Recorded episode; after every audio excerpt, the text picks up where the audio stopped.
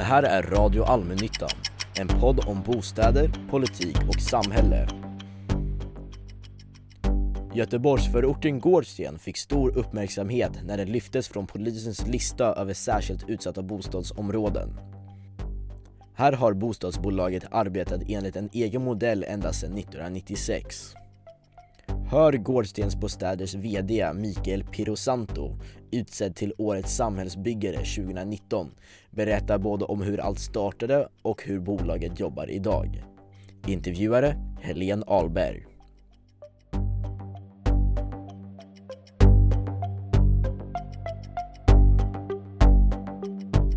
Hej och välkommen till Radio Allmännyttan, Mikael Pirosanto. Mm. Du är VD på Gårdstensbostäder. Ja, det stämmer. Ni har ju en speciell modell för förvaltning, kan man säga, som har blivit väldigt uppmärksammad. Vad är då Gårdstensbostäders egen modell? Vad är Gårdstensmodellen?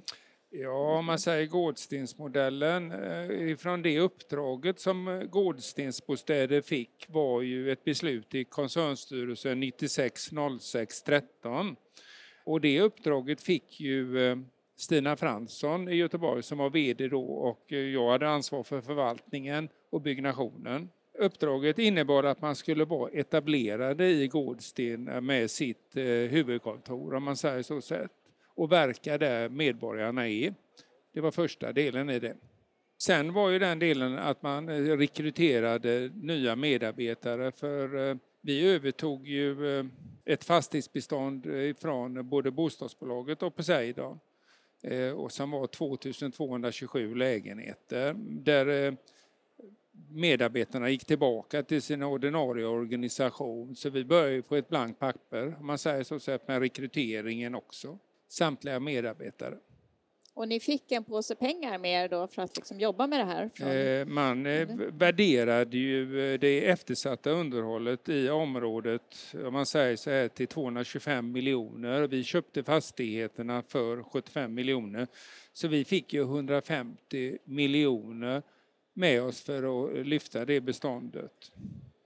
Sen kan man ju tycka att det var mycket pengar på den tiden och när man väl tittar på det så Eh, var det inte mycket pengar utan totalt har ju framtidskoncernen lagt in 537 miljoner och så slår man ut det per kvadratmeter så är ju det 2500 kronor per kvadratmeter och det är ju inte mycket pengar för att lyfta ett särskilt utsatt område.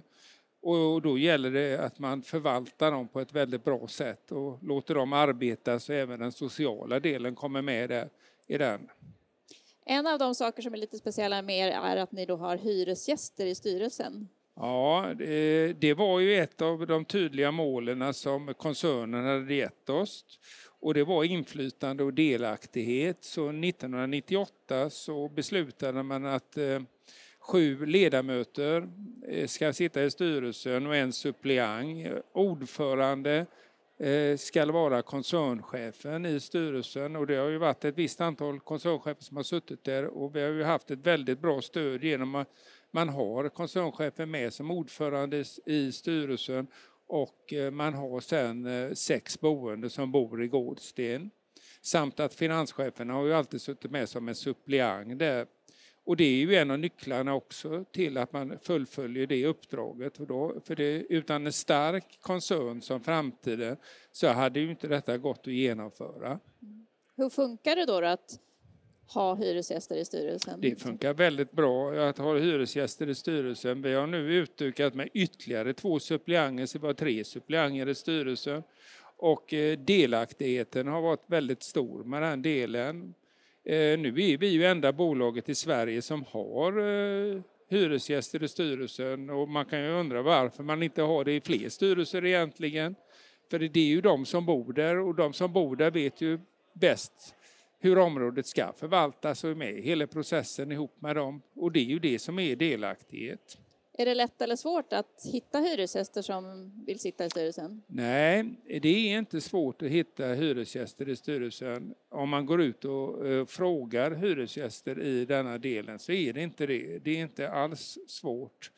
Och eh, det är ju samma sak med den, för eh, det var ju det tydliga målet vi hade. Det gällde inflytande och delaktighet och vi har ju alltid haft processer där hyresgästerna varit med om i upprustning av våra områden. Och det började vi väldigt tidigt med. Redan när vi byggde Solhus 1 i Rådsten så hade vi åtta arbetsgrupper av eh, hyresgästerna som jobbade på detta.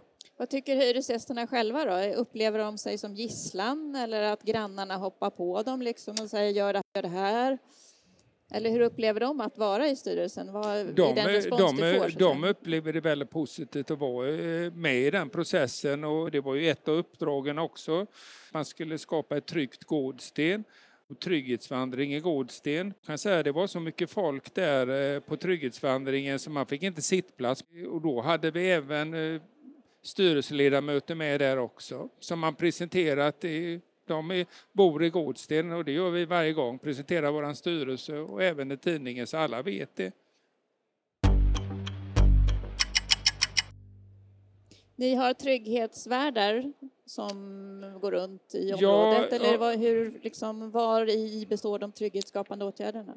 Det är, det är, de trygghetsskapande åtgärderna är ju det att man ska ha ett tryggt område och 2002 då anställde vi trygghetsvärdar. Man fick ju egentligen storstadspengar så stadsdelen var också med men sen ville man ju inte gå vidare med detta utan då bestämde vi oss för att det var en så uppskattad sak så vi anställde trygghetsvärdarna hos oss själva.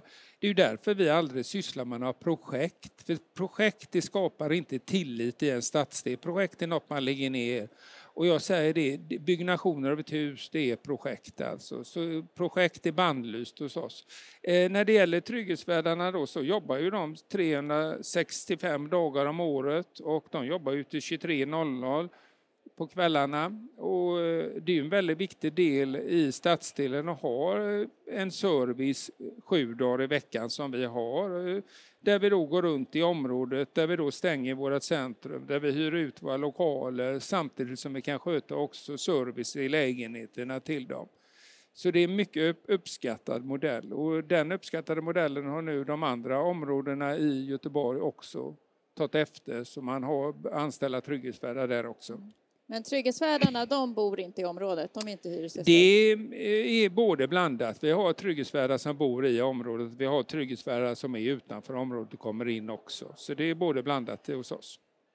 Och är det något annat som är utmärkande för hur ni jobbar jämfört med hur andra bostadsbolag eh, alltså, jobbar? Man ska ju se det. Vi hade ju tydliga ekonomiska mål när vi skulle gå dit och det är att jobba och utveckla hela stadsdelen och, och det har ju man gjort de ekonomiska målen idag så att fastighetsbeståndet är värt över 2 miljarder. Det, vi har en god, eh, stark bolag om man tittar på både soliditeten och detta. Den delen som var också var att man skulle skapa sysselsättning för det var väldigt hög arbetslöshet i Rådsten. Och eh, det har vi jobbat med ända sedan 97, arbetsmarknadsdelarna ihop med Arbetsförmedlingen, näringslivet och detta. Och vi har väl skapat ungefär eh, 3500 arbetstillfällen idag genom vår Gårdstensbyrån som egentligen är Gårdstensbostäder. Då.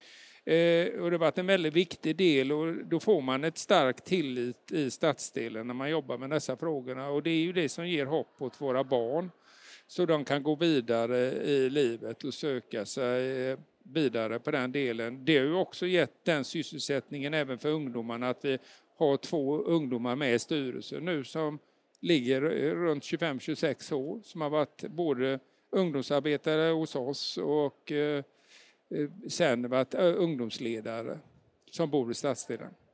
Men Gårdstensbyrån då, arbetar de med att förmedla jobb som finns i hela Göteborg eller är det jobb som finns just i Gårdsten? Eller Nej, vi har ju väldigt brett kontaktnät idag. Så varje oktober, 17 oktober, så har vi en stort näringslivsträff där ungefär 170 deltagare från näringslivet kommer Eh, Eh, föreningar och politiken. Och eh, det är ju också det som vi i Gårdstensbyrå jobbar med, också aktiviteter också. Så eh, där får man ju oftast den kontakten. Och man rekryterar ju väldigt mycket folk även från Gårdsten idag. Och jag kan väl se det när det gäller arbetslösheten så har ju den minskat och det ibland är det brist på att få hjälp av ungdomar för de har gått vidare. Volvo är en väldigt stor arbetsmarknad för Gårdsten också. Man ser det när bilindustrin går bra så går Gårdsten också bra i det. Så det gäller de stora industrierna och suger upp mycket ungdomar. Mm. Brottsligheten har gått ner i området också? Ja, den har ju mer än halverats. Vi hade ju 180 brott per tusen invånare när vi kom in 97 och staden hade 177. Idag ligger vi på eh, eh ungefär 63 brott per tusen invånare. Staden ligger på ett snitt på 136. Så det ser ju positiv bild ut även för staden.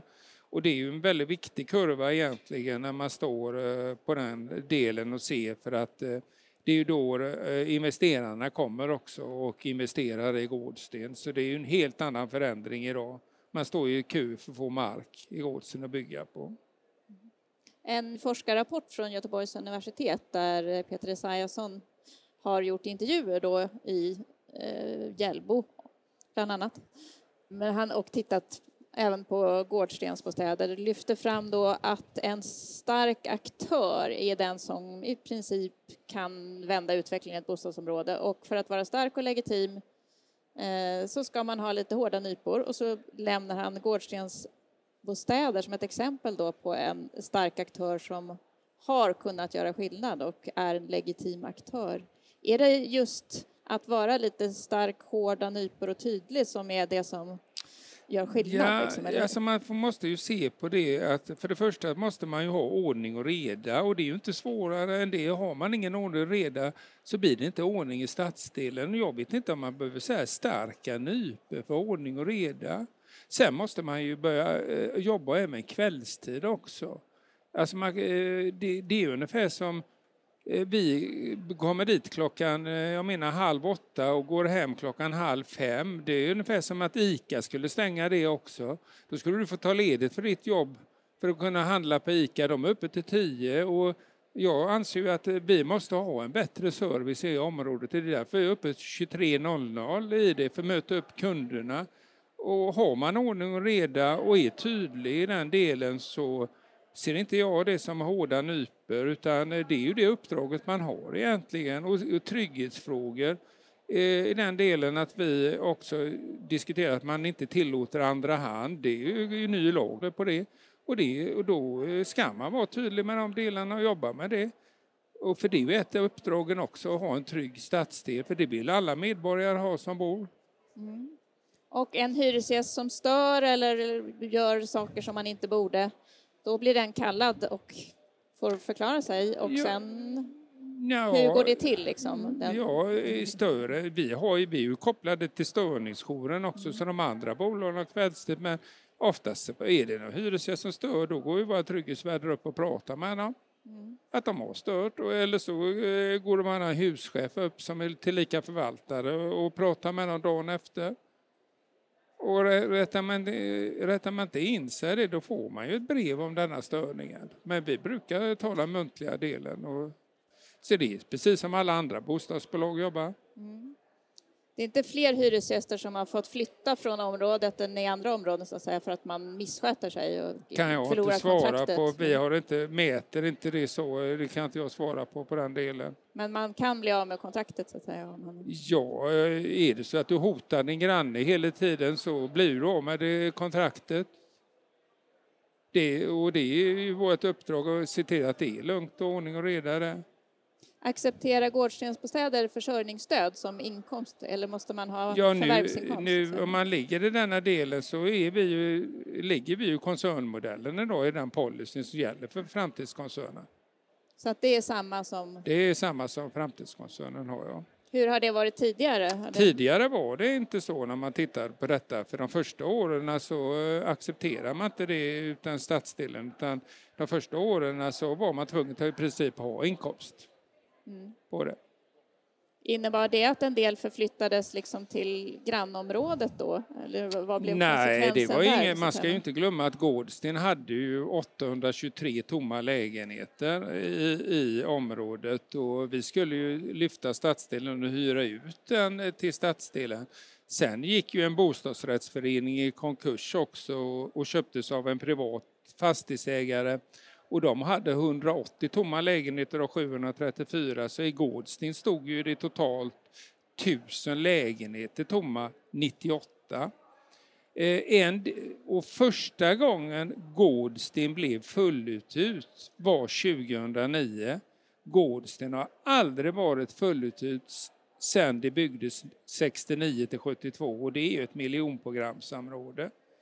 Och det är ju det som är det viktiga nu man tittar på det. En stadsdel som idag är fulluthyrt som Gårdsten eh, har ungefär tusen sökande till varje lägenhet idag. Ni och har kö till alla lägenheter? Då har vi kö och då gäller den policyn som eh, koncernen har. Och det som eh, jag tycker är viktigt nu också på den delen, det är första gången det har kommit in nio byggare som har fått marktilldelning och bygger då bostadsrätter och egna hem. Man har ju sagt det att eh, eh, folk eh, vill gärna flytta på Gårdsten, men det är ingen som flyttar på Gårdsten för det är ju ingen som har byggt det sedan 70-talet. Det är ju första gången det byggs för fullt nu.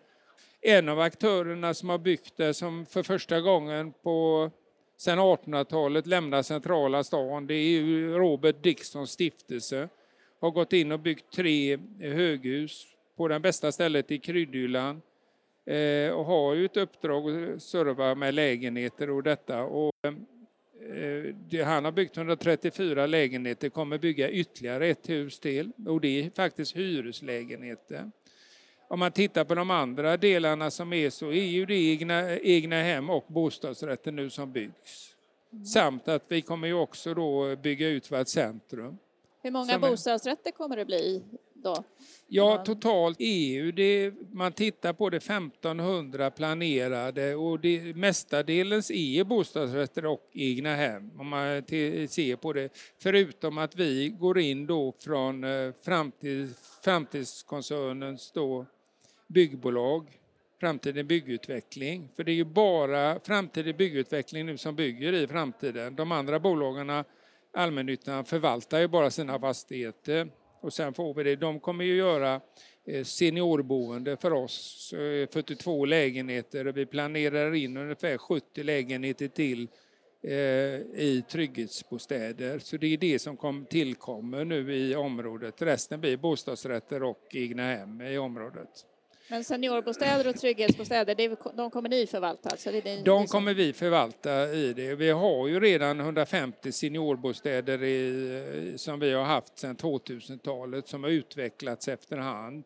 Vi ser det som en bra boendeform där eh, hyresgästerna är väldigt aktiva. Man säger 55 plus men medelåldern är ju 70 om man tittar, man tittar på, eh, på den delen också. Tidigare så fanns det ju även, man bildade ju också ett bostadsbolag i Hjällbo, Hjällbobostaden, ja. som fick ett liknande uppdrag mm. som ni hade då. Men det finns inte kvar längre och det gick inte riktigt lika bra för dem kanske man kan säga. Vad skulle du säga att det är största skillnaden mellan hur ni jobbade liksom? Eh, jag kan inte svara vad det är som inte gick bra för dem, men eh, skillnaden eh, var med det att de jobbade ju med samma tjänster. Om man tittar på det, hade egen, egen personal på allting. Medan vi var ju med och skapade nya bolag, lokala bolag. Om man tittar på detta med utbildningar som sen eh, skötte även Gårdsten, både städning eh, i Gårdsten och eh, även servicen i Gårdsten och yttre skötseln i Gårdsten. Ni hade det på entreprenad på lokala? Vi, vi hade det på entreprenad på den delen. Idag köper vi allting på entreprenad. Eh, eh, det var ju en del i uppdraget att vi skulle vara på plats och utveckla stadsdelen med, med denna den. Vi har ju drivit en bygg och fastighetsskola som vi drev 18 månader och den var ju eh, med 42 elever. Det är, idag, det är ju den som är Fastighetsakademin idag i Högsbo som alla går och utbildar sig på. Där vi har 50 procent av vår personal. Vi har ju drivit två städutbildningar. Vi drev eh, ihop med Axfood då på den tiden två eh, butiksutbildningar och vi drev en restaurangutbildning också. Och allting gick genom Gårdstensbyrån. Och det är också en del att skapa tillit i området. Men det jag tycker det är roligt idag, det är så självmant egentligen när nio byggarna kommer in och bygger i Gårdsten, att man hämtar folk ifrån Gårdsten ännu av byggarna eh, där och eh, sysselsätter. Och det är, man behöver nästan inte be om det, det är en självklarhet tycker man. Det, den För nu finns det kompetens liksom, som ja, finns det finns ju väldigt mycket kompetens som flyttat till Gårdsten som kommer från andra länder med, eh, på den som eh, även varit i byggbranschen och man hämtar, be, hämtar folk ifrån våran Gårdstensbyrå även idag. Mm. Om något annat bostadsbolag eller en kommun skulle vilja kopiera Gårdstensmodellen, är den kopierbar? Liksom? Eller är det, ska man välja någon del? Liksom, som man... alltså, det är som att säga, etablering i Gårdsten är väldigt viktig. Är man etablerad i stadsdelen, då utvecklar man stadsdelen och då skapar man förtroende. Vi har fått 5% ökad eh, i valdeltagande till kommunal och riksdagsvalet. Det betyder det också engagerade medarbetare är ett nyckelord i detta. Jag har ingen större personalomsättning. Vi jobbar väldigt mycket med teamutveckling hela tiden i denna delen. Vi jobbar efter UGL eh, med teamutvecklingarna och det jobbar vi årligen med. Tydliga ekonomiska mål. Det är inte svårt. Inflytande och delaktighet. Man måste ta in, eh, ge, våga ta in folk i styrelsen. Det var ett av uppdragen. Och låta dem vara med och besluta i det delaktigheten ute i området, skapa sysselsättning. Ja, i skapa sysselsättning är en väldigt viktig del också. Vi jobbar väldigt mycket med föreningslivet. Jag kan bara ta GKSS som har varit här sedan 2005. 380 barn har fått segla en vecka. Det är ett integrationsprojekt med Rotary som stöd på den delen. Gais är det, de har ungefär 100 barn varje tisdag och torsdag. Det som har varit nycklarna nu ser vi att ungefär 25 eh, eh 25 föräldrar kommer varje gång vi spelar. Också att det eh, del, då får man delaktighet och får dit föräldrarna också. Utveckla hela stadsdelen. Det gör vi med den byggnationen ihop med staden. Samarbeta och utveckla stadsdelen för man vill ha en karriär. Man vill bo kvar i Gårdsten. Man vill jobba med de frågorna. Eh, den, kunna köpa sig en BRF. Man vill kunna ha ett egnahem, en villa, ett större villa det är det som är roligt. De byggde för små villor på 108 kvadrat. Då var det trögare att sälja, men när man byggde 150 då gick de med en gång. Och det är som Olle Pettersson sa, jag trodde att jag sålde till en familj. Hade jag vetat att jag sålde till en ett generation så hade jag gjort större hus, av det hela. Det var en av byggarna där uppe. För Riksbyggen har ju ja. varit där nu och, och bygger nu för tredje gången i Gårdsten Riksbygge. Behövs det fler större bostäder? Liksom? Ja, vi, det är en blandad form av bostäder när vi gör på den delen och det är därför man tittar när vi gick in så hade vi 5 900 invånare, nu är vi 9 500 och vi blir 13 000 vid 2025 med vår ambition. Om du skulle välja de tre speciella åtgärder eller det som är speciellt som ni har jobbat som har just störst skillnad om någon annan liksom vill göra någonting liknande för att vända utvecklingen i ett bostadsområde. Vilka tre saker tror du har gjort störst skillnad? Liksom? Etablering i Gårdsten.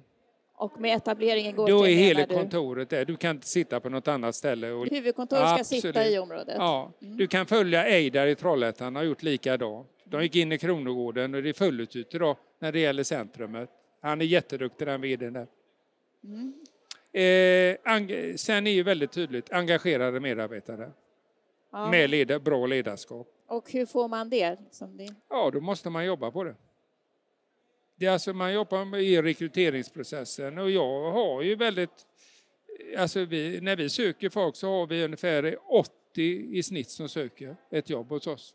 Mm. Så ni kan I ett särskilt utsatt, ja, vi har jättebra sökande på det. Ja, välj rätt folk. Alltså. Inflytande, delaktighet, hyresgäster i styrelsen. Jag har sagt tre saker ja. egentligen som är viktiga. Jag skulle säga mer, och det är tillit. Ni måste skapa tillit. Kommer aldrig lyfta dessa områden om inte folk har tillit till detta. Man kan inte gå in i projektform och sen lägga ner det. Då har man inte skapat någon tillit. Nej. Och, och hur skapar man tillit? Det är, ju... det är långsiktighet. Var långsiktig i allting. Jag måste ta ett exempel. Eh, vi har ju anställt en folkhälsovetare som heter Johanna Frode. Jätteduktig. Det kom två till gymmet, eller tre personer. Så det kom bara två, tre. Ja, om vi håller på en stund här så blir det snart fullt. Idag är det ungefär snitt 40 personer som är på vårt hälsogym och jobbar eh, hela tiden. Vi skulle behöva bygga ett större. Och det är långsiktigt och i allt vi jobbar, jobbar vi långsiktigt Vi startar inte någonting som inte vi jobbar långsiktigt med, då är vi inte med. Och det skapar tillit. Så fortsätt, håll ut, gör hela Ja, tiden. Liksom. Så när jag går i pension om några år här så är det någon annan som får fortsätta för ett samhällsbygge, det tar aldrig slut. Det är alltid eh, jobb i detta att vara samhällsutvecklare. Och det är inte svårt att ha hyresgäster i styrelsen. Nej, varför skulle det vara det? Ja, det, Det är väl inte svårt i en bostadsrättsförening och en styrelse? eftersom det finns så få i landet så är det uppenbarligen så att man kanske tänker sig att det är lite svårt. Ja, det, jag tror inte det är svårt alls. Jag tror inte det, man inte är modig och vågar. Man måste våga. Våga För att vara mera. modig och släppa lite på den delen. Koncernen har ju beslutat detta 96 06 13 och det var ju uppdraget. att ha en stark koncern bakom sig också. Som framtiden i detta. Men det är inte en- ens i Göteborg så är det någon annan som har liksom Nej, snappat då detta. får man fråga, fråga sig det, varför man inte gör detta. Det, Men du tror ändå att ert koncept, det, kan, det är inte unikt för Gårdsten utan Nej. man kan ta de här delarna och stoppa ner dem Ja. i vilket annat område som Ja, helst? eller? absolut. Nu är det inte så att det är vissa delar utan man ska göra allt på en gång. Ja. Och man måste jobba för det helt enkelt. Förändra arbetstiden också så man är närvarande när folk eh, är hemma. Alltså, för det är en annan stadsdel efter fyra, det, så är det bara. Mm. Gå inte hem klockan fyra.